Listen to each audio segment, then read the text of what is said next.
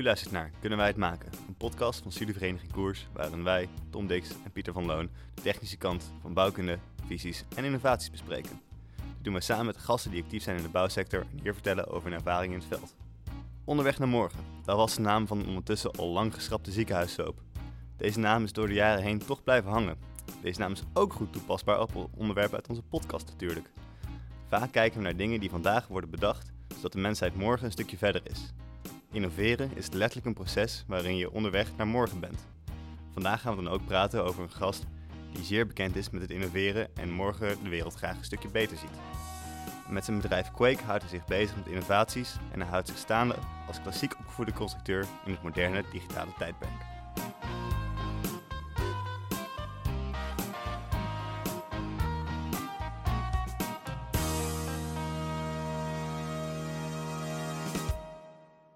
Voor dit mooie onderwerp hebben wij dan ook de geknipte gast gevonden. En we zijn dan ook erg blij dat we dit gesprek mogen gaan voeren met Rudy Royakkers. Uh, Rudy is senior adviseur bij ABT en algemeen directeur bij Quake.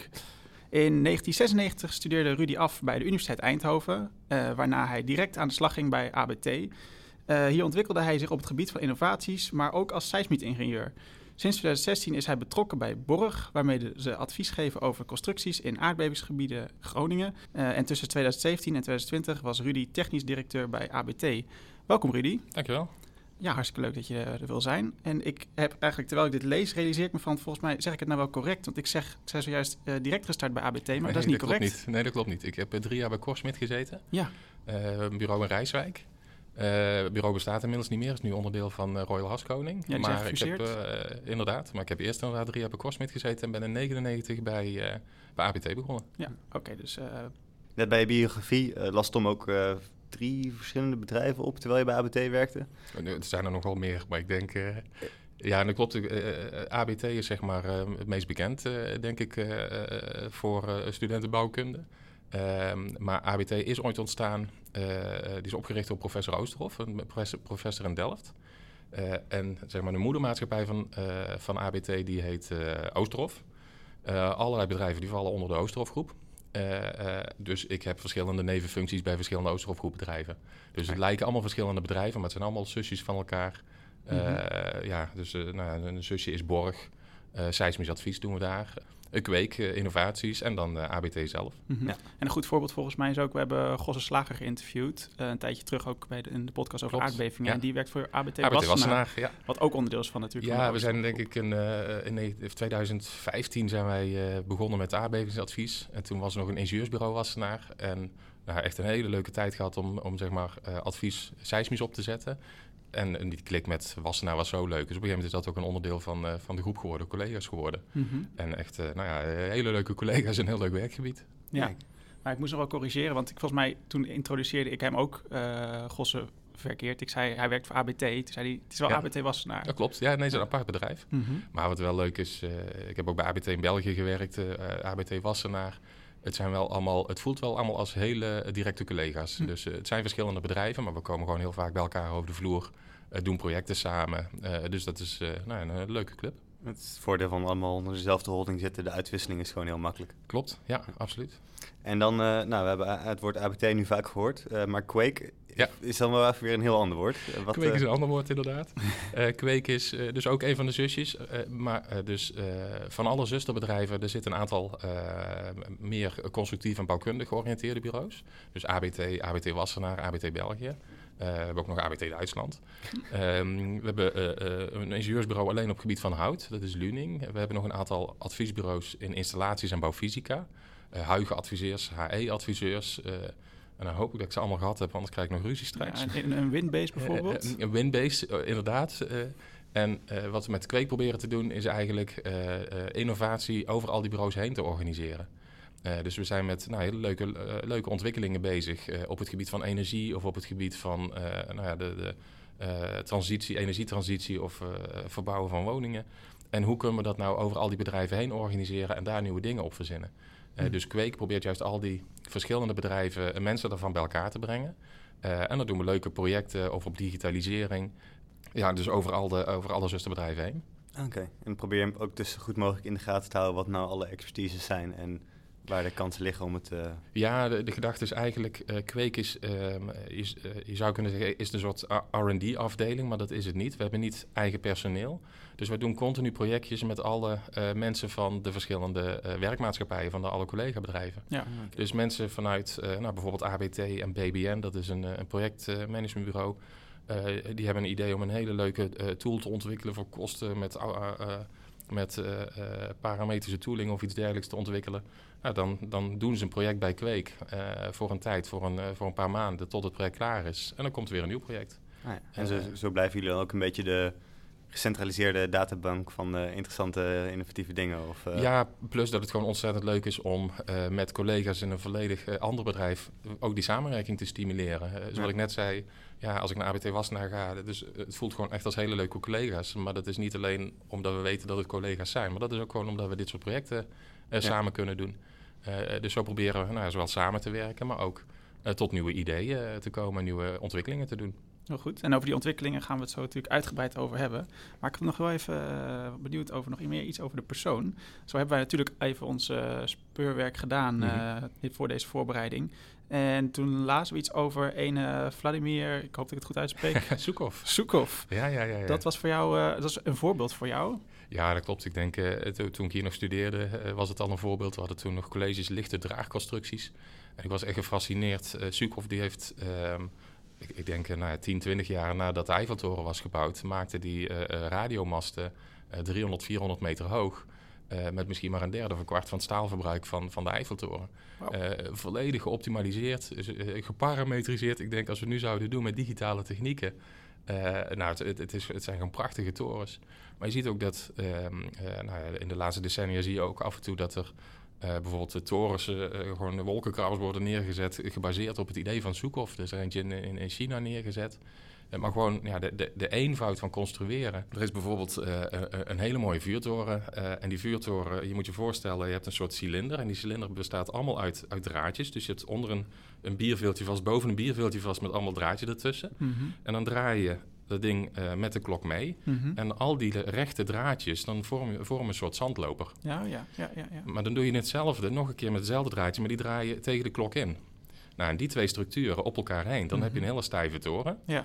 Maar de grap is, het zijn nog steeds allemaal rechte draadjes. Mm -hmm. Dus je had hele eenvoudige verbindingen, een hele mooie slanke toren, super geoptimaliseerd. Mm -hmm. uh, en dan stond er, in dit specifieke geval, stond er onder een leme hut, waar dan de eigenaar van die vuurtoren woonde.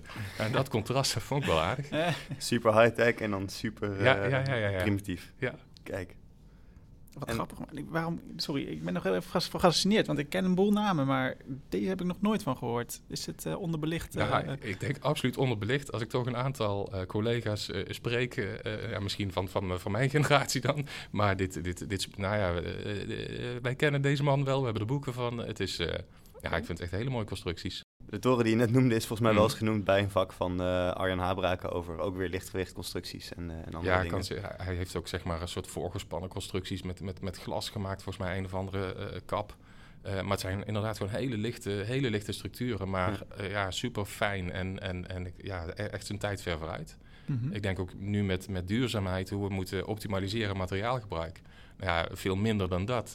ik krijg je bijna niet voor elkaar.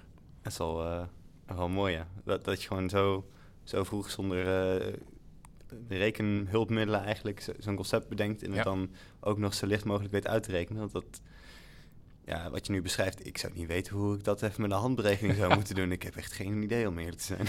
Ja, het mooie is ook, het is ook, het is niet alleen zeg maar het berekenen, maar ook de techniek, wat ik net zei, die rechte staven en de verbindingen. Het is echt volledig gemaakt op, ook op maakbaarheid. Ja. Die toren die ik beschreef, dan zetten ze soms zeggen, zetten ze vier van dat soort deeltorens op elkaar. En dan worden ze allemaal alle vier op de grond gezet. En iedere deeltoren is een stukje kleiner dan de volgende. En die wordt gewoon ja, uh, zeg maar een soort schuifpuzzel naar boven toe gemaakt. Dus ook helemaal uitgedacht hoe krijgen we dit ding uh, gemaakt, uh, gebouwd. dus nou, ik vind ik wel een voorbeeld. Leuk. Voordat we denk ik naar het uh, vragenvuur gaan, wil ik ook nog heel even, echt nog even één vraag tussendoor drukken. Dat is namelijk eigenlijk de reden dat je hier zit, is dat je bent getipt door een oude gast van ons. En dat was Doreen Staal van ja. aflevering 10. Ja, waar ken jij Doreen van? ja, van het afstuderen. uh, voorheen zaten we in het uh, hoofdgebouw en dan hadden we een apart hoekje, twee verdiepingen met eigen werkplekken. Uh, daar zaten ook alle docenten uh, van, uh, van, van constructief ontwerpen zaten er in de buurt. Mm -hmm. nou, dus we hadden daar een, een, ik denk een vaste club van 15, 20 man van koers. Die er bij elkaar zaten, die daar na, na ieder college koffie kwamen drinken. maar daar hadden we ook een paar computerhoeken staan. Nou, Doreen en ik waren beide aan het afstuderen, ook in de computerhoek. Ik iets met Ensys en zij volgens mij op Diana. En uh, dan probeerden we elkaar te laten schrikken, s'avonds laat, als we aan het overwerken waren daar.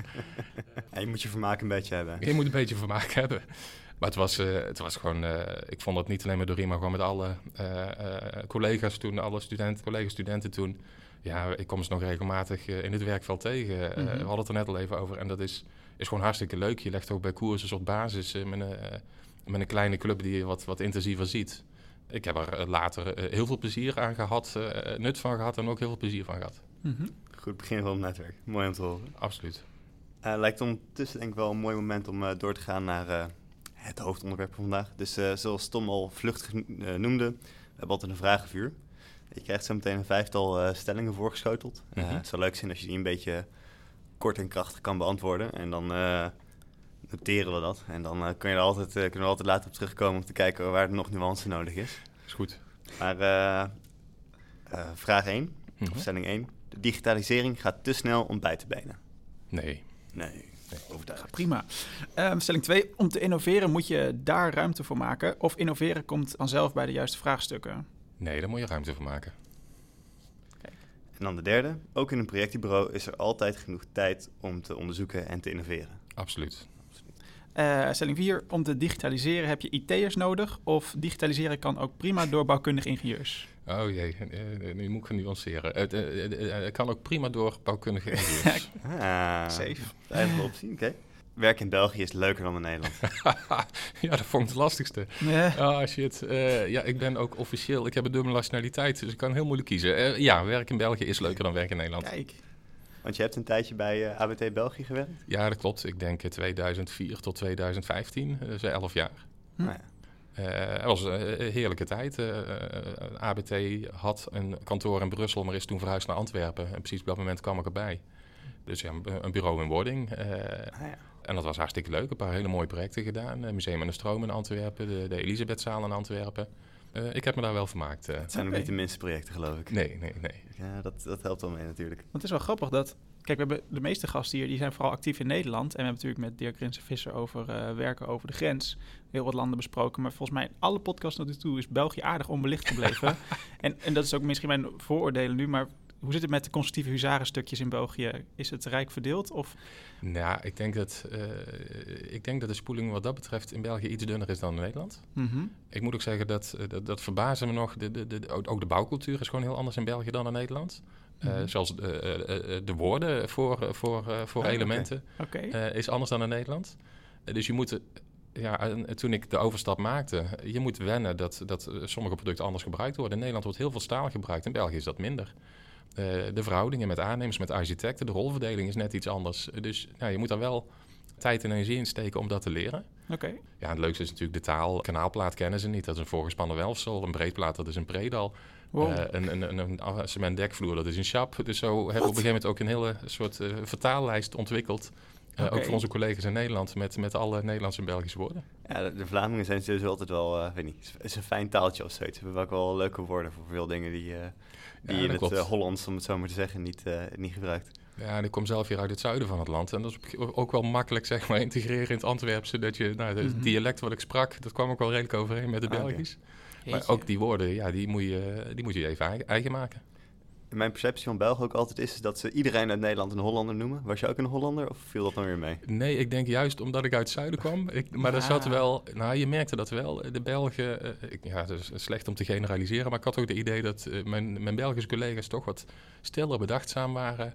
En dan kwamen inderdaad mijn, mijn eigen collega's van boven de rivieren, de Hollanders kwamen binnen. Mhm. En, en nou, die, die, die zijn wat luidruchtiger en laten zich wat gelden. Mm -hmm. ik zat er wat tussenin als, als Brabander. Ah, Oké, okay, grappig. Ja, Mooie brug. Ja. Want kunnen we dan... Eh, sorry, mijn nieuwsgierigheid is gewekt. Dit, over die cultuurverschillen inderdaad. Mm. Want zoals je hier... Bij, ik spreek over het Nederlandse bouw, of ja, ingenieurscultuur eigenlijk binnen de bouwsector is het vaak van twee smaakjes, Delft of Eindhoven. Mhm. Of een eh, ja, gestapelde iemand die post-HBO heeft gedaan. Zit het in België? Zegt ze zijn wat minder mondiger. Hoe ziet die, wat ziet de gemiddelde Ja, dat is in misschien België in eruit? eerste instantie, maar ik denk ver- vervolgens in de projecten eh, zijn ze net zo mondig als de Nederlanders. Ja. Nou ja, ze hebben natuurlijk ook, eh, daar heet dat dan niet, eh, hier heb je HBO en universitair, daar is dan een burgerlijk ingenieur en een industrieel ingenieur. Oké. Maar goed, eh, de achtergrond is hetzelfde. Mhm. Eh, alleen wat ik al zei, de, eh, de materialen, de toepassingen, maar ook de normen destijds. Toen ik Ja. daar begon, toen werkten we in Nederland nog met, met, met, met, de normen, de NEN-normen, eh, nog niet met de eurocodes. Eh, in België hadden ze eigenlijk niet zo'n hele goede normenreeks op voorhand. Dus die zijn veel sneller op die eurocodes overgestapt. oh. Dus daar was het al meteen, eh, nou ja, vo- volledig volgens de eurocode rekenen. Mhm. Dus ook daar kon je niet zomaar één op één zeg maar de overstap maken. Interessant. hè? Inmiddels, nou ja, die eurocodes in Nederland hebben we ze ook, dus die overstap is een heel stuk eenvoudiger. Mhm.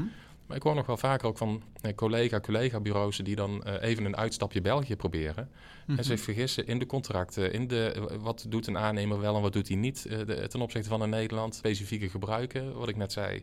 In België, iedere, sta, iedere hal die ze neerzetten is in beton. In Nederland is iedere hal in staal. Ja. Ja, als je dat niet weet, kom je toch compleet met verkeerde ontwerp aan. Eh, j- Jij had die voorkennis toen je daar naartoe ging? Nee, Nee, precies. Jij kwam met diezelfde verrassing. Ja, dezelfde verrassing. Mhm. Natuurlijk had ik wel een, eh, een voorganger daar, een, eh, de, de voormalige directeur, die me daar eh, wel in geholpen heeft, maar gedeeld eh, ook zelf achter moeten komen. Mhm. Ja. Ehm, maar ja, aan de andere kant was het ook zo dat ze wel zagen, bijvoorbeeld net als op BIM-gebied, daar liepen wij wel in Nederland een stukje voor op België. Oké. Dus nou, dat op een gegeven moment ook wel daar wel naar ons werd gekeken van wat doen jullie zeg maar als Nederlands bureau in België en nou, hoe kunnen we daar ook dingen van overnemen. Oké. Eh, dus op eh, BIM-gebied, eh, daar ook bij een of andere commissie van het ORI. Dus in Nederland heb je VN-constructeurs. Nou, en, zo'n soort ingenieursclub heb je ook in België. Oké. En daar ook de, de kennis die we dan in Nederland opdeden... die we gebruikten in onze projecten, ook daar in België gedeeld. Hm. Lijkt me meteen een mooi bruggetje. Want eh, eigenlijk willen we natuurlijk zoveel mogelijk hebben over innoveren en niet alleen over het verleden. Mhm. Dus ik eh, vroeg me dan af, hoe heet het museum ook weer aan de... Museum aan de Stroom. Museum aan de Stroom. Dat Ja. heeft natuurlijk een prachtige, ingewikkelde glasgevel. En eh, volgens mij is de constructie ook niet de meest eh, Alledaags. alledaags. Klopt. En, eh, Ja. Maar hoe, ja, hoe, hoe is dat dan een beetje gegaan om, om zo'n eh, apart concept daar neer te zetten met nog een beetje een ouderwetsere cultuur misschien? Of, eh, Nou, ik denk... Het eerste is, het is, het is gewoon een ontwerptraject. Eh, ehm, ik moet er even bij vermelden, ik was zelf met name met de constructie bezig. Het glas, eh, dat eh, deed eh, Rob Nijssen, een, eh, inmiddels hoogleraar, voormalig hoogleraar in, in, in Delft. Mhm. Ehm, ja, het is een kwestie van ontwerpen. Je maakt een, een, een voorlopig ontwerp en, en, en je probeert dingen en, en eh, je verbetert continu je ontwerp en er komen hele nieuwe ideeën. En sommige, soms is het juist het meest simpele idee wat het, wat het beste werkt. Eh, ik weet bijvoorbeeld in, eh, in het museum, ja, het is, het is lastig om dat met, met, met alleen spraak te doen, maar ik ga het toch proberen. Er zit inderdaad die gegolfde glasgevel aan en die is overal 6 meter hoog of 5,5 meter hoog. Nou, eh, Rob had bedacht, dat kan met een soort gebogen eh, glasplaat, eh, zoals je een soort golfplaat op zijn kant legt. Maar in de hoeken van het gebouw, dan zijn die, zijn die glasplaten 11 meter hoog. Dat kan niet meer, die platen bestaan niet. Hoe, hoe doe je dat dan? Dus in het begin was het een soort idee om dan twee platen op elkaar te zetten... en dan met een soort staal eh, kabels die aan elkaar te verbinden... een soort voorgespannen kabelstructuur rondom zo'n gegolfde glasplaat. Nou ja, dat klinkt best ingewikkeld. En we dachten, als we daar nou kolommen achter zetten, dat is lelijk. Op een gegeven moment blijkt precies in zo'n hoek van het gebouw... nou, je moet maar eens een keer op een foto kijken... kun je heel makkelijk op ieder verdiepingsniveau... een, een hele simpele buis eh, hangen... eh, die je aan een kettingje ophangt aan de verdieping erboven... En het is een, een, een hele neutrale, rustige oplossing. Eh, geen hond die het ziet. En je kunt gewoon weer diezelfde gla- glasplaten neerzetten. Eh, het is het meest eenvoudige eh, detail wat je kunt verzinnen. De meest eenvoudige constructie. En toch kost het onze maat om erop te komen. Eh, dus af en toe is het ook gewoon weer even eh, twee stappen terug doen. En gewoon eens denken, hoe kan ik dit zo simpel mogelijk maken? Dus ik zou zeggen, ook een gedeelte van de innovatie. Het, het- soms lijkt het wel, we moeten dingen zo moeilijk mogelijk maken. Ja. En soms is het ook van, maar hoe kunnen we in hemelsnaam wat we bedacht hebben... weer drie stappen terugkrijgen naar gewoon iets simpels. ja, dat is natuurlijk eh, vaak met de meest briljante ideeën is het juist van... Hoezo heeft men het niet eerder bedacht? Ja, inderdaad, dat zijn de leukste. Ja. Cool. En je had het ook over, eh, over BIM, eh, Mhm. wat dan toen al een beetje op gang kwam in Nederland, Ja. maar nog minder in, eh, in België. Ehm, hoe is gewoon wat breder in het bedrijf van Mhm. ABT een beetje zo die, die digitalisering op gang gekomen? Is dat, heeft het veel impact gehad op, op je werkwijze bijvoorbeeld? Oh, absoluut. En ik heb dat laatste tijd, nou natuurlijk met Kweek veel actiever mee bezig geweest. Wat, ik, wat je de laatste tijd wel ziet, een soort exponentiële groei in digitalisering. Mm -hmm. we begonnen bij ABT, ja, dat ik weet het niet precies, maar laten we zeggen rond 2002, 2005 met, met, met, met BIM. En dat was echt gewoon een variant op 2D modelleren. Het ging naar 3D toe maar de, ik, de laatste jaren zien we juist de digitalisering veel meer zitten in de engineering, in parametriseren, gebruik van artificial intelligence, machine learning. Mm -hmm. um, ik zei net al, ik ben veel in Groningen bezig geweest met, met, die, uh, met de versterking van woningen.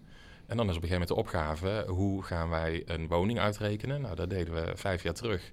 Uh, met de meest moeilijke programma's deden we daar een paar dagen over. Uh, nou, dan kun je aan de ene kant programma's optimaliseren, et cetera. Maar op een gegeven moment zijn we ook onderdelen daarvan volledig gaan scripten en gaan digitaliseren. Dus dat we een, een, een volledig script hebben gemaakt met een, om met een hele eenvoudige invoer een volledige woning uit te rekenen. Hm. Vervolgens moesten wij een studie doen voor, uh, voor de overheid. En toen was het van, uh, nou, als je die woning hebt en als je die nou op duizend verschillende plaatsen in Groningen neer zou zetten, hoe zou die dan reageren? Dus daar ook script voor geschreven om die woning maar een keer te projecteren op duizend verschillende uh, plekken in Groningen met net iets ander spectrum, iets andere grootte van de trilling. En dan kijken hoe die daarop reageert. Dat deden wij tien jaar terug niet. Nee, dus we, daar zagen we eigenlijk dat we door dat soort technieken toe te passen, dat we niet alleen sneller gingen, maar dat we op, op een gegeven moment ook antwoorden konden geven die we daarvoor helemaal niet konden geven. Uh, en, dat, nou ja, en dat zien we de laatste jaren veel meer. Dat, dat, dat we ineens hele nieuwe antwoorden kunnen geven. Dat we hele nieuwe dienstverlening kunnen geven. Uh, omdat we die digitalisering inzetten. En dat is, ik vind dat razendsnel uh, zijn gegaan de afgelopen jaren. Nou, en ik zit er nu middenin om te proberen dat nog wat te versnellen de komende tijd. Ik vind het wel mooi, want ehm, het gaat in, dan inderdaad razendsnel. Maar voor mijn gevoel wordt het ook razendsnel steeds normaler. Mm. Het scheelt natuurlijk dat wij hier nog aan het studeren zijn. Dus wij krijgen relatief veel nieuwe dingen mee.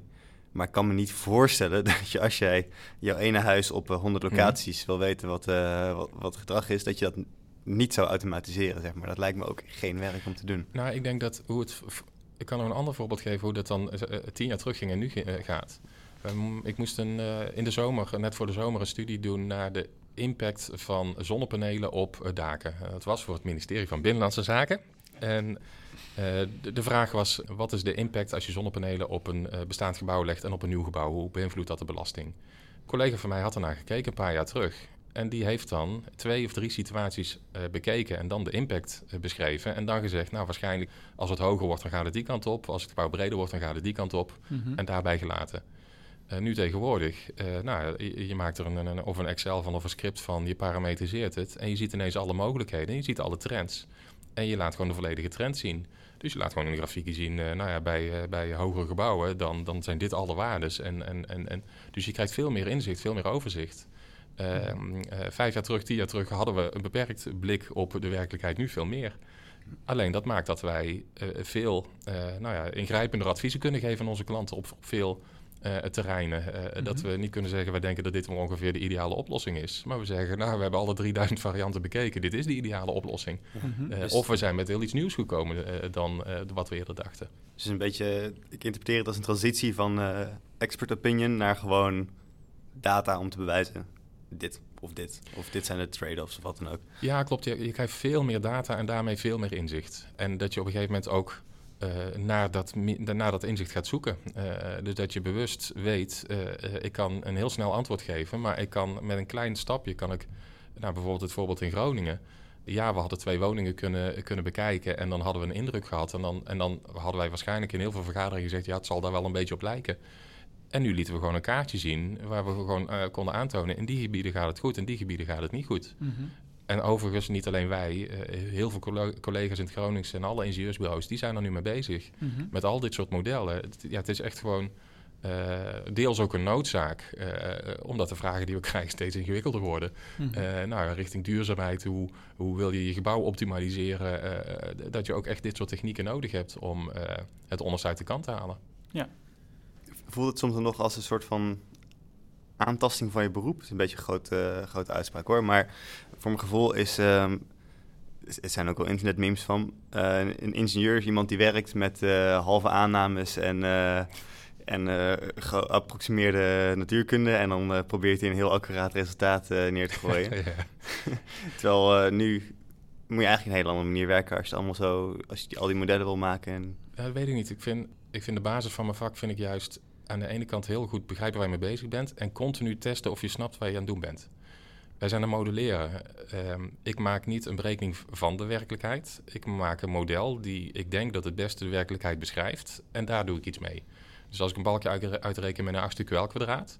Uh, die balk die weet, dat niet. Iemand heeft gewoon een keer bedacht met die 1 achtste kwadraat zeg maar gedeeld door w. Dat is een representatie van de werkelijkheid hoe die spanningen lopen. Vervolgens maak ik een berekening uh, en die berekeningen worden steeds complexer. En ik moet continu terug blijven grijpen naar dat soort heel eenvoudige sommetjes. Snap ik nog wat ik aan het doen ben? Mm -hmm. Hetzelfde geldt met, met, die, uh, met die digitalisering. Daar komen straks allerlei antwoorden uit. Uh, ik vrees dat ik nog steeds moet kijken, geloof ik die antwoorden nog wel? En dan moet ik ja. toch weer terugvallen op mijn kenniservaring en, en, en inzicht en het constructief inzicht. Dat blijft. Ja. Okay. dus als ik dat kaartje van Groningen zie, dan zeg ik niet, ah, nu heb ik het antwoord. Dan, zie ik, dan zeg ik, hé, hey, ik zie daar een rare vlek. Ik kan die niet verklaren. Hebben we iets fout gedaan in de invoer? Of zit daar misschien een hele rare grondbult... waardoor uh, daar een hele andere uh, frequentie of een heel ander spectrum zit aan, aan trillingen... wat dat veroorzaakt? En pas als ik het geloof en begrijp...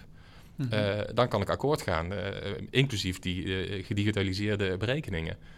ja, dus dat onderdeel van het vak blijft vol, volgens mij gewoon hetzelfde. Ja. je moet kritisch zijn naar de berekeningen die je doet. En je moet ze kunnen verklaren. Uh, ik, ik, vind het mooiste voorbeeld, uh, um, of je moet zelf twee berekeningen maken, of je moet de berekening met de concurrent hebben. Bijvoorbeeld in, in het Gronings hebben we heel veel samengewerkt met andere bureaus. Royal Haskoning zat daar met een bureau dat heette VIA. Erp zat daar. nou ja, wij zaten daar, Zonneveld zat daar. En we hebben op een gegeven moment ook heel veel berekeningen, gewoon dezelfde berekening van hetzelfde gebouwtje gemaakt. En dan met elkaar vergeleken. En dan gewoon kijken, nou jullie komen op 7 uit, wij op 9, wat is er aan de hand? Dan of jullie zitten te laag, wij zitten te hoog. en hoe kunnen we dat verklaren? Nou, dus dat vind ik ook dat je met je eigen werk met, met dat soort digitale modellen moet blijven doen. Dat vind ik wel mooi om te horen, dat er gewoon een bepaalde openheid was. Want ik heb inderdaad, ik heb een tijdje bij Royal Haskoning gewerkt als uh, modelleur. Mm -hmm. en, uh, en, toen was, dat, was ik ook betrokken bij de VIA-projecten. En toen we een tijdje geleden dan uh, gossen hadden voor, voor de aardbeving, dacht ik, ah ja, dit klinkt hetzelfde, maar het is toch weer een hele andere partij. Uh, maar dus na een tijdje zijn die partijen wel even bij elkaar gekomen om even een nou, beetje de resultaten op tafel te leggen en te kijken. Absoluut. Ik denk in het Groningse uh, al vanaf het begin 2015 natuurlijk, je, je, je, je laat niet alles uh, zien en je bent met eigen dingen bezig. Maar aan de andere kant, er was al heel snel wel het idee, de opgave is zo groot en zo belangrijk, die kan niet één bureau oplossen. Plus, je wil in Groningen, als er twee woningen naast elkaar staan, je wil niet dat uh, twee dezelfde woningen, dat de eerste woning versterkt wordt omdat die de bureau A werd berekend en de tweede niet omdat die de bureau B werd ge, uh, berekend. Ja. Dat kunnen we als ingenieurs ook niet uh, laten zien. dus het besef was er bij heel veel partijen. wij moeten echt gewoon samenwerken, kennis delen om zo snel mogelijk, zoveel mogelijk woningen zo goed mogelijk uit te kunnen rekenen. Dat is een gigantische opgave. Dus daar is echt een hele intensieve samenwerking geweest. En ik moet zeggen, dat is eigenlijk hartstikke leuk. Ja. Uh, om gewoon met collega-bureaus. Je, je, wandelt ieder, ieder toch je eigen pad. Je bent met je eigen ontwikkelingen bezig. En dan toch eens een keer naar elkaar te spiegelen. Hoe doe jij dat? Hoe kunnen we daarvan leren? Nou ja, omdat de opgave er ook echt uh, om vroeg. Uh, maar aan de andere kant bijvoorbeeld het, um, het breedplatendossier, zoals we dat noemen. Ja, ja. naar aanleiding van, van Eindhoven Airport, die, die instorting. ook daar zijn heel veel partijen samengekomen. Ik zit dan zelf bij VN-constructeurs, de commissie vakmanschap. Uh, waar ook een aantal collega-bureaus zijn samengekomen. En hoe kunnen we kennis delen over wat er gebeurd is. Maar hoe je ook zou moeten versterken, hoe je het moet controleren, et cetera. Zeker bij dat soort thema's uh, uh, hebben we gewoon elkaar nodig om nou ja, ons product te, te, verbeteren en te leren. Mm -hmm. Je noemde net over, nog even over de aardbevingen en dat de bedrijven die elkaars resultaten langs elkaar legden op een gegeven moment, de, de aardbevingen was op een gegeven moment, het, het was er gewoon en het was mm -hmm. een, was een uh, ja, een acuut probleem eigenlijk. Hulp was nodig, ook kennis was nodig. Kennis ja. wat tot op heden eigenlijk weinig tot niet gebruikt is. Seismische belasting kenden we eigenlijk niet in Nederland. Daar waren de bureaus nog niet gewend. Wat ik mij afvraag is, wat dachten die ingenieurs toen van, is er toen, was er toen nieuwe kennis gemaakt? Of was er ergens bestaande kennis elders vandaan getrokken? Want ik kan me voorstellen, ja. overal op de planeet zijn we een beetje seismische belastingen, behalve in Nederland, tot nu ook Nederland. Ja. Heb je kennis van buitenland gehaald of is het gewoon een boek opengetrokken? Ja, ik zou zeggen, het begint met het laatste. Ja, toch wel. Ik, ja, ik had voor mezelf, als ik even terug ga, wij, ik geloof dat het 2014 was, eind 2014, uh, dat ik er zelf mee ben begonnen. 2015 is op een gegeven moment uh, minister van Economische Zaken naar Groningen gegaan en die heeft op een gegeven moment toen toegegeven, er is iets aan die hand met die aardbevingen. En toen kwam er een gigantische stroomversnelling.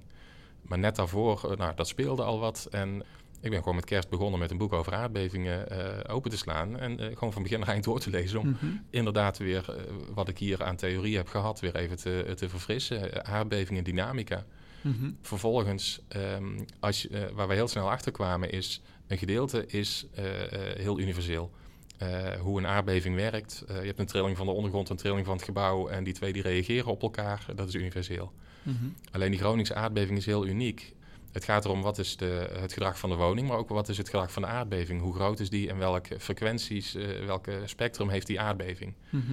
Die Gronings is heel bijzonder. Eh, die trilling zit op 3 kilometer diepte, niet op 30 kilometer diepte. Eh, en dat maakt nogal wat uit voor de, de, de, de, frequenties waarmee de, de grond in trilling wordt gebracht. Mhm. Dus En is dan nog de bestaande theorie die je dan in je boek las al toepasbaar? Of? eh, laten we zeggen, de dynamica wel. Ja. Dat sommetje wel. Alleen wat dat betekent voor de gebouwen die erop staan niet. Want het zijn ineens hele andere gebouwen die getroffen eh, worden. Hmm. Dus in het buitenland zijn het misschien eh, hogere gebouwen met lagere eigen frequenties. eh, en daar gaan dan ook alle studieboeken over. Mhm. En nu zijn het ineens eh, hoogfrequente gebouwen die eh, wat meer eh, risico vormen. Plus, eh, geen enkel land eh, in de wereld waar men aardbevingen heeft, bouwt men in baksteen. Ze zijn wel gek. Ja. Eh, hier in Nederland maken we allemaal baksteen van zelfs 10 centimeter dik. Hoe reageert dat? Nou, daar was heel weinig over bekend. Omdat al het aardbevingsonderzoek in de wereld zich decennia had gericht juist op de aardbevingsgebieden die bekend waren en de gebouwstijlen die er waren. Hm. Het is een beetje hetzelfde als wat ik over begon, eh, werken in Nederland of in België. Mhm. Ineens blijkt de mechanica is wel hetzelfde, maar de lokale omstandigheden zijn heel anders. Het is best wel gek natuurlijk om een eh, natuurfenomeen opeens te ontdekken. Als het ware. Want eh, ja, als je inderdaad naar eh, Taiwan kijkt of zoiets, daar zijn al aardbevingen zolang als er mensen wonen. Dus, Absoluut. Nou, het was voor ons heel nieuw en ehm, we hadden het net heel even over ook mijn connectie met ABT Wassenaar, toen nog ingenieursbureau Wassenaar. Wat heel leuk was, we hadden zelf een gebouw in Groningen wat eh, heel snel eh aardbevingsgereed gemaakt moest worden. Hm. Dat was een, een, een gigantisch gebouw, want dat moest ineens, dat was al helemaal eh, bedacht en, en gereed, maar dat moest dan omgekat worden naar een aardbevingsgereed ontwerp. Nou ja, dan moet je eerst snappen wat er aan de hand is. Dan maar, maar hebben we al gegevens? We weten hoe, snel, hoe, hoe krachtig die aardbeving is. Wat is het spectrum? Bij Wassenaar zaten ook een paar slimme mensen die ook met dat soort projecten bezig waren. En wat we daar hebben geleerd is eigenlijk, dus voordat we dat met al die andere bureaus deden, gewoon met, met, met bureau Wassenaar, alle kennis die we hadden op, eh, gewoon delen. Ik heb dit gedaan, eh, ik snap dit. Wat heb jij gedaan? Eh, oh, maar dat had ik nog niet gedaan. Dat snap ik nu ook, dankjewel. We weten nu twee keer zoveel. Mhm. Dus heel snel kennis delen en heel snel daardoor groeien en, en, en de opgave aankunnen. Hou het voor jezelf en je gaat ontzettend traag. Mhm. Deel het met, met, met meer mensen. Eh, en dan heb je ook weer die exponentiële groei voor jezelf te pakken. Ja. Eh, dus ik zou zeggen, dat vond ik eigenlijk het, de allerbelangrijkste les. Deel gewoon alle kennis. En je, eh, nou ja, je groeit veel sneller Mhm. dan dat je ooit voor jezelf had kunnen houden en, en af had moeten schermen. Ja, klopt het ook dat, hè, want op een gegeven moment zijn er de, de, de bevindingen die jullie hebben gedaan, die zijn, Mhm. en de, de, de, ja, hoe je dan handelt, die zijn op een gegeven moment vastgelegd in de Nederlandse praktijkrichtlijn. Klopt. De NPR 9998. Correct. Eh, en dat is dus ook denk ik een samenwerking van die verschillende bedrijven, kan ik me zo voorstellen. Ja, dat is zowel van ehm, eh, niet alleen de bedrijven. eh, dus daar zit de NEN zit erin, Ja. Normalisatie Instituut, het TNO, een aantal professoren, ook leraren Mhm. zitten daarin. Wij zijn er op een gegeven moment ook namens het bedrijfsleven ingevraagd. om, initieel zaten wij er niet in, maar op een gegeven moment is toch, werd gezien eh, dat wij kennis aan het ontwikkelen waren en het ook toe moesten passen. Ja. Dus eh, nou ja, we hebben ook met een aantal mensen vanuit die samenwerking eh, plaatsgenomen in die NEN-commissie. Hm. En ook dus continu dingen getest en gekeken wat bepaalde wijzigingen in de norm voor impact, impact hadden. En ook testen of dat dan klopte. Dus nou ja, daar, daar ook mee de norm continu verbeterd. Oké. En even voor een, eh, een praktische financiële kant. In het vragenvuur hadden we nog de stelling van... eh, ook in een projectbureau is er genoeg tijd om te onderzoeken en te innoveren. Mhm. Nou, dit is een duidelijke... dat klopt. Terwijl klassiek, als ik het even voor me stel... dan eh, normaal gesproken ligt een ontwerp of ligt een ontwerpvraag... Eh, je doet een bod en je probeert zo goedkoop Mhm. mogelijk eigenlijk eh, je bod kunnen doen... zodat jij eh, het ontwerp mag ontwikkelen... Mhm. eh, maar wel winst kan maken. In, in die eh, super eh, kapitalistische eh, mindset, zeg maar, is er natuurlijk weinig tijd en ruimte om. Zoals je hem nu schetst wel, ja. Ja. Alleen, we hebben dan ook een iets andere filosofie. Ja. En dat is dat als je puur zegt van... wij moeten zo laag mogelijk botten en dan halen we hem binnen... ja, dan ben je jezelf continu aan het belemmeren. Je leert niks, je doet niks nieuws. En over een paar jaar kan het, iemand anders het veel beter dan jij. Dus wat, nou ja, wat we bij ABT, bij Oosterhof vinden is, we moeten waarde toevoegen. Dus we moeten aan de ene kant energie steken om slimmer en beter te worden. om een beter product te maken, om daarmee naar de klant te gaan. En de klant, nou bijvoorbeeld in Gronings is een mooi voorbeeld. Daar hebben we onderzoek moeten doen om hem een beter product te kunnen geven. En voor dat beter product was die klant echt wel bereid te betalen. Hadden we dat niet gedaan, dan hadden we al die kennis niet opgedaan. En de klant was er niet wijzer van geworden en wij ook niet. Dus um, wij vinden juist dat we zowel in individuele projecten, maar ook gewoon als bedrijf moeten investeren in, uh, in onderzoek en innovatie, omdat we alleen daarmee uh, kunnen blijven bestaan. Mm -hmm. Ik denk bijvoorbeeld op digitalisering. Ik denk, uh, als ik zie hoe, dat, hoe snel dat nu gaat met parametrisch ontwerpen, met artificial intelligence, met machine learning en de mogelijkheden die dat biedt dat traditionele constructeursbureaus echt gewoon in nou ja, belang zullen afnemen de komende jaren als ze die stap niet maken. Nou, die stap moet je maken door te innoveren, door daar geld aan uit te geven. Of je dat dan doet in studieprojecten of gewoon in daadwerkelijk projecten waar je mee bezig bent. Maar je zult bijna wel moeten. Ja. En dan een paar woorden die je net noemde, die, eh, die triggeren me wel. We hebben onze laatste podcast die we hebben opgenomen ging over parametrisch ontwerp. Mm Maar je noemt nu ook artificial intelligence en uh, machine learning. Dat waren de twee grote onbesproken toen nog eigenlijk. Kan je daar iets meer over vertellen? Hoe komt dat al langzaam onze wereld uh, binnengedruppeld? Volgens mij op heel veel gebieden. Als je kijkt naar uh, ontwerp en machine learning, uh, wij zijn van oorsprong zijn we de laatste jaren uh, begonnen met een aantal dingen parametriseren. En daar hebben wij een paar hele leuke dingen mee gedaan. Maar juist met machine learning zien wij dat wij nieuwe kennis vergaren. om een voorbeeld te geven, kan het heel simpel maken. Um, als ik een, een betonnen poer uitreken, een betonnen poer, wat zijn dan de variabelen waar je mee te maken hebt? De betonkwaliteit, de belasting, de hoogte van de poer, de lengte, de breedte, palen die eronder zitten, de draagkracht van de palen. nou, zo, kan, ik denk dat er een stuk of tien parameters zijn die die poer bepalen. Daar kunnen wij een parametrisch model van maken. En we hadden ooit de hoop, als wij dan dat ding maken en dan laten we een computer alle mogelijke varianten uitrekenen, die geeft ons de beste oplossing. dat zijn tienduizenden varianten. Daar is voor een heel eenvoudige poer, daar is die computer, die is daar een, een, een, middagje mee aan het rekenen voor de meest eenvoudige poer.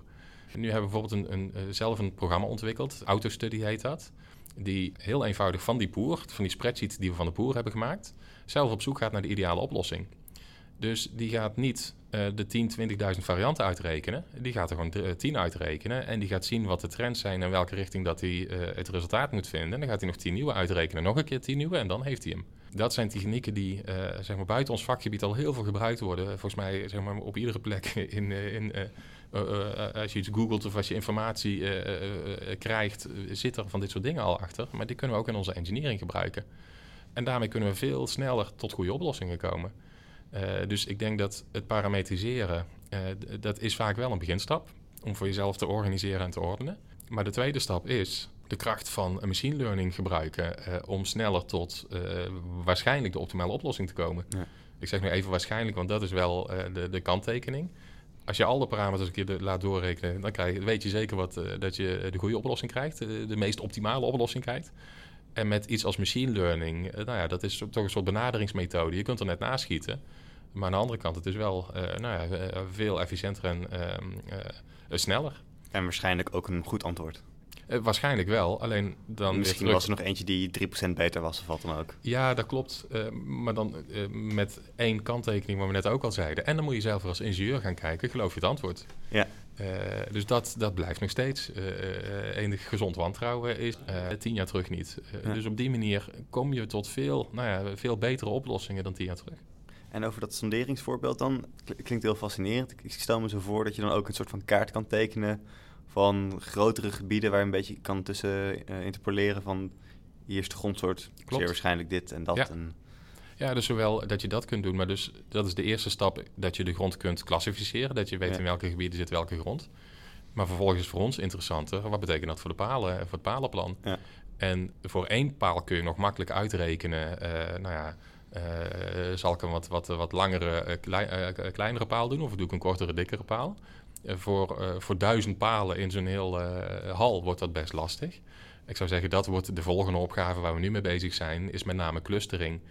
stel je even voor dat je een hal hebt met duizend palen. Je wil niet tegen de fabriek zeggen, ik heb duizend individuele palen met verschillende afmetingen, met verschillende lengtes. Die gasten yeah. worden knettergek. dus op een gegeven moment moet je dan wel zeggen, maar wat is nu de beste clustering om drie type palen te kiezen? Doe je zes type palen? dus nou ja, zo daar kan je natuurlijk ook studies mee doen. Of je nou wat verschil is tussen drie, zes of acht types palen. Ja, inderdaad. Ja. En, maar zoals ik net al zei, die opgaves worden steeds ingewikkelder en ingewikkelder. En je kunt dan niet meer toe met alle mogelijke varianten maar een keer te berekenen. Dan, dan zou alleen al voor dit uh, verhaal je tot in oneindigheid blijven rekenen. En dan ook weer komt machine learning weer uh, van pas. Want die gaat op een gegeven moment naar uh, nagenoeg optimale oplossingen zoeken.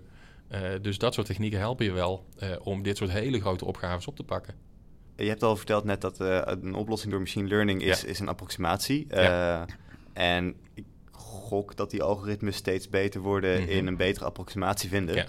Uh, maar heb je dan nog een, een case study of een, een referentie van... oké, we weten dat dit model... Mm -hmm. hebben een keer helemaal doorgerekend. hebben we de computer drie dagen voor aangezet, wat dan ook. Dit is het perfecte. Ons machine learning model die zit nu hier. Ah, dat is al goed genoeg.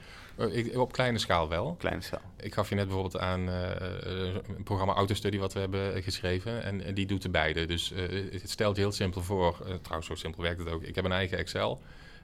en ik kan Autostudy in die ene Excel... kan ik hem 10.000 varianten laten doorrekenen. dan heb ik de exacte oplossing. ik kan met hetzelfde Autostudy kan ik zeggen... met hetzelfde Excel-model... ga jij zelf op zoek naar de oplossing. En dan, uh, dan zien we al dat hij, uh, dat hij niet exact de juiste oplossing haalt, maar dat hij op, uh, nou ja, afhankelijk waar je instelt, op een half of 1% van de ideale oplossing afkomt. En dan in een fractie van de tijd? in een fractie van de tijd. Ja. Um, en, en, en, dat probeer je dan, het is net als mijn constructieberekening, dat, je dan, dat probeer je dan bij kleine modellen. En op een gegeven moment ga je dat steeds extrapoleren naar grotere modellen, om te kijken of, het, nou ja, of je daar ook nog gelooft bij hele grote modellen, eh, het is zelfs een hele grote constructie uitrekent, ja, dan probeer je het op een gegeven moment wel weer, om voor jezelf dat geloof te krijgen, weer terug te brengen in stukjes die je zelf kunt controleren. Dan zie je door de boom het bos niet meer. Klopt. Ja. Waar ik het ook graag nog even over wil hebben, is wat mij opvalt, is je hebt het over we. Uh, we, hebben dit uh, gedaan, we hebben dit geïnnoveerd en uh, we hebben aardbevingskennis eigen gemaakt. En wat natuurlijk heel logisch is, je gaat natuurlijk niet het is ook een team effort, of mhm. course.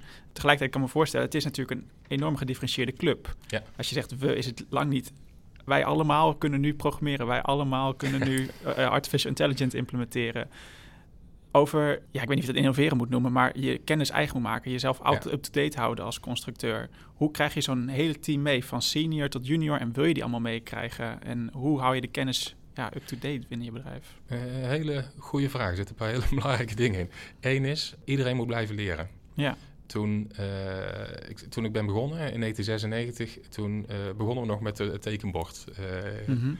Op een gegeven moment gingen we over naar AutoCAD. Toen zag je dat, nou laten we zeggen, de collega van, van 60 niet meer mee kon. Ja, toen gingen we over op Revit. Toen kon de collega van 55 niet, niet meer mee. Zometeen gaan we over op machine learning. Dan gaat de collega van 50 niet meer mee. Nou, ja. Ik heb nog twee jaar te gaan, dan ben ik 50. dus dat... Kun je dat ook een beetje survival of the fittest noemen?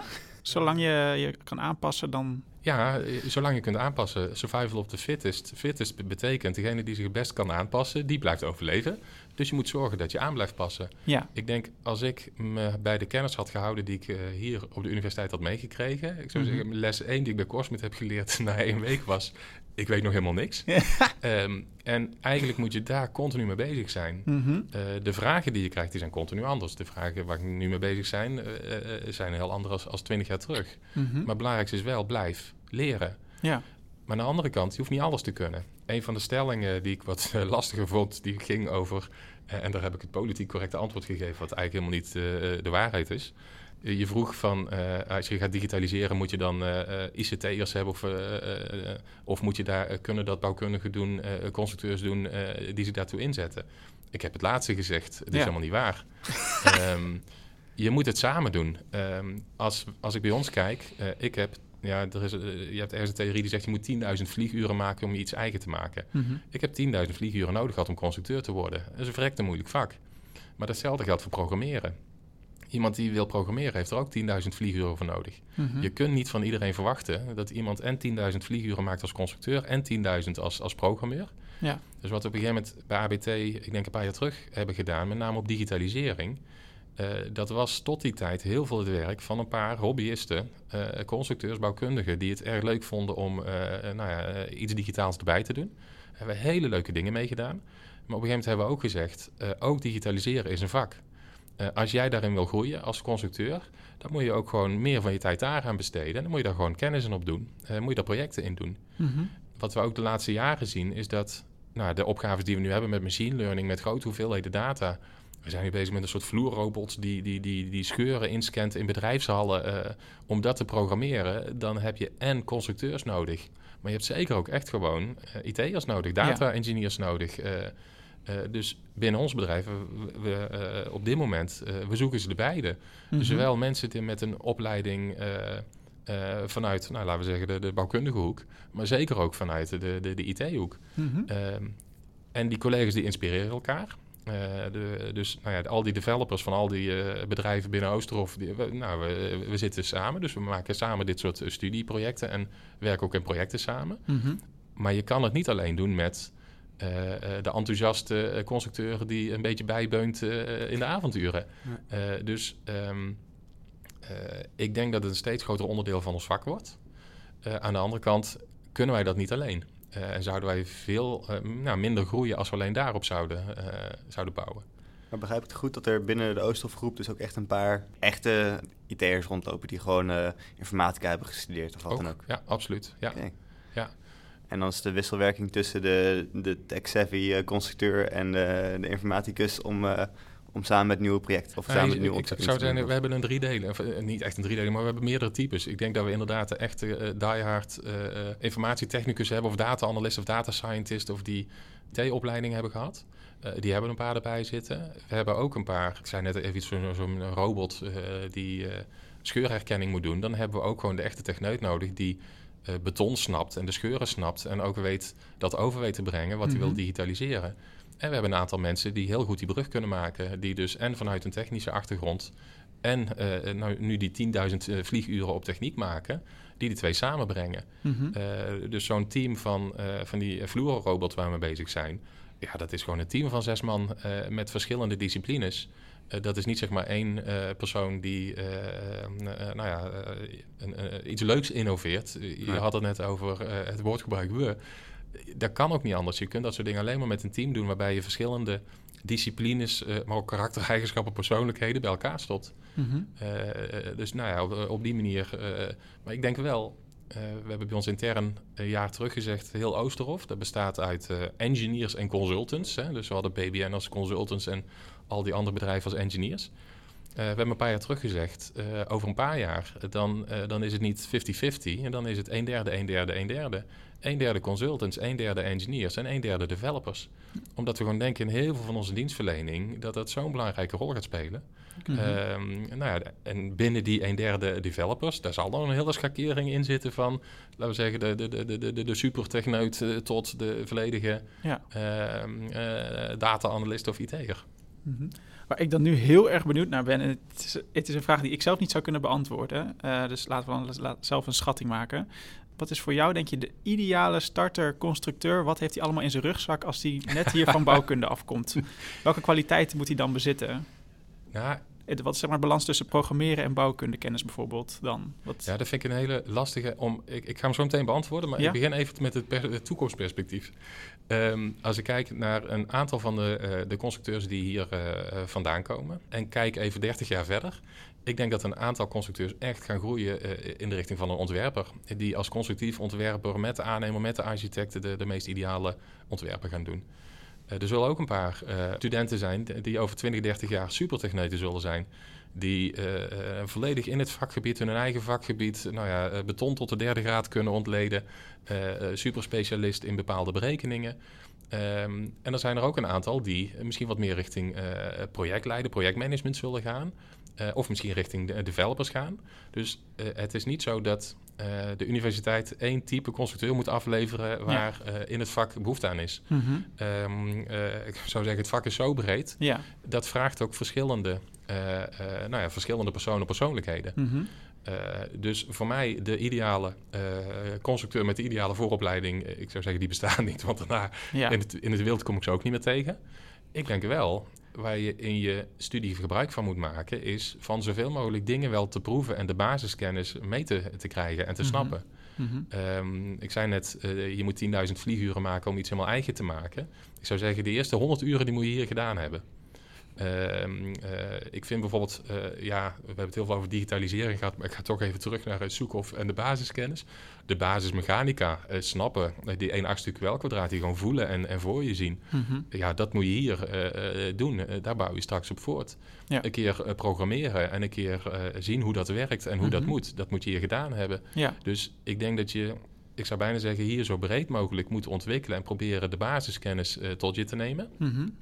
En leg daarna die nuance als je op een gegeven moment eh, begint te werken. ja, dan ga je specialiseren. Ja, en dan Mhm. ga je leren. Wat we nu hebben, eigenlijk de, de, universiteit of de faculteit bouwkunde anno 2022, maar volgens mij ook de afgelopen vijf jaar, die kent in principe gewoon vijf ja, secties in Mhm. principe. Wij spraken, spreken vooral, wij vertegenwoordigen constructie natuurlijk, maar we hebben natuurlijk ook vastgoed, architectuur, bouwfysica en stedenbouw. Ja.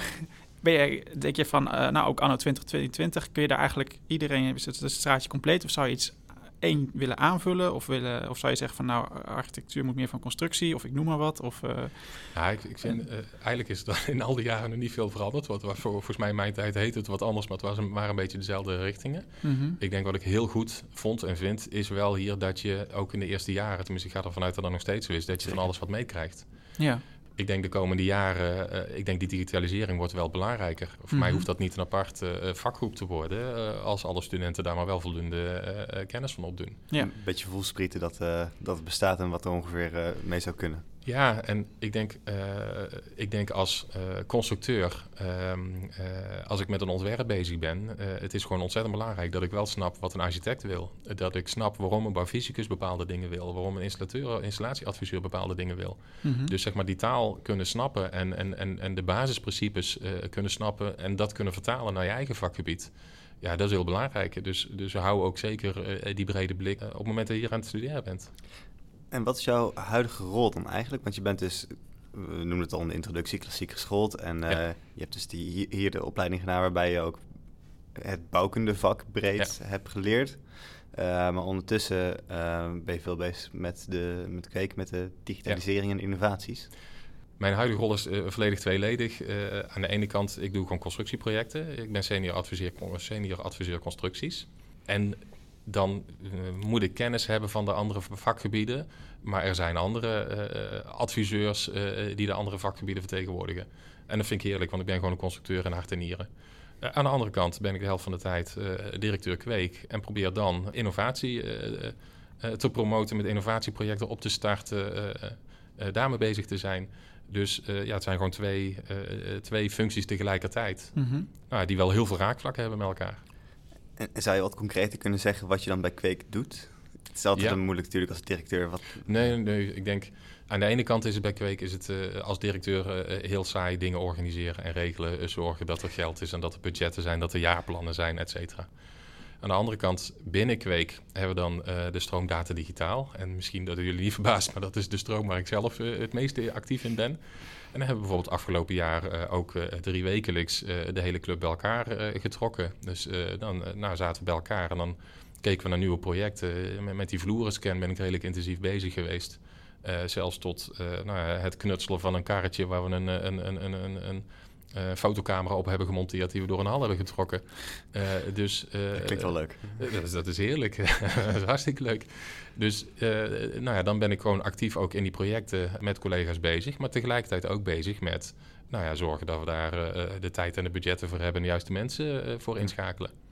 Het hele gesprek lang bespeur ik al wel dat jij volgens mij erg fanatiek bent en erg vrolijk wordt van zoveel mogelijk samenwerken met mensen. Want eh, het komt, komt de hele tijd weer naar voren. Oh ja, dat was echt leuk om hier aan te werken en daar de kennis mee te delen. Of, nou, meteen, eh.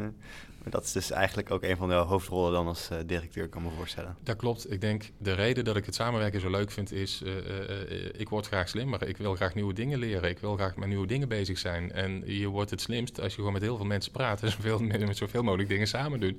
doet. Mhm. Eh, Dan kom je tot nieuwe ideeën. Eh, nou ja, en dan ook, ehm, we hebben een heel divers team. Eh, dus aan de ene kant zitten er super nerds in. En aan de andere kant hele eh, nou ja, enthousiaste, innovatieve mensen. En om daarmee samen tot iets leuks te komen. en zeker ook als het, als het lukt, dat is, dat is hartstikke leuk. heel goed. Het, wat je zegt inderdaad van, het is gewoon goed om je breed te oriënteren. En hoef je niet eens, ja, je kan niet van alles een specialist zijn. Dat, dat, lijkt, me, dat lijkt me logisch inderdaad. Maar als je dus, als je denkt van, nou, ik wil me gewoon breed oriënteren in de bouw, dan zou ik gewoon beginnen eigenlijk met gewoon eerst alle podcasts luisteren van ons. Zonder meer. als je het over een brede oriëntatie hebt, kijk naar de regie en ik zie dat wij uh, alweer helaas moeten afronden. Ik, ja, nou dan dan was dit hem helaas, denk ik. Nou, we hebben hem al min of meer gesteld, maar toch voor de zekerheid. Heb je nog, uh, de klassieke vraag is, heb je nog een concreet advies voor de studenten hier zo? Ja, maar die is toch iets anders dan wat ik net zei. Okay. Uh, mijn uh, concrete advies is, maak er het beste van. Heb ook heel veel plezier. Hm. het is de mooiste tijd in je leven, dus geniet ervan. Kijk, ook nog even een, een levens, levensadvies. Dat is ook fijn. Hoeft niet altijd alleen carrière te zijn. Top. Nou, hartstikke bedankt Rudy. Het was uh, een leuk dynamisch gesprek. Ik, ja, dankjewel. Het was een uh, eer om hier te zijn. dankjewel. ja, dat, dat was het dan weer alweer. Um, u luistert naar Kunnen wij het maken? Gepresenteerd door mij, Tom Dix en Pieter van Loon. Tot slot willen wij de commissie die heeft geholpen deze podcast te maken bedanken. En natuurlijk ook jij, bedankt voor het luisteren. Wil je graag reageren op deze aflevering? Dat kan door te mailen naar podcast.koers.tv of ons te volgen op Instagram, koersief. Over twee weken zijn we terug met onze volgende aflevering. Voor nu bedankt voor het luisteren en tot ziens.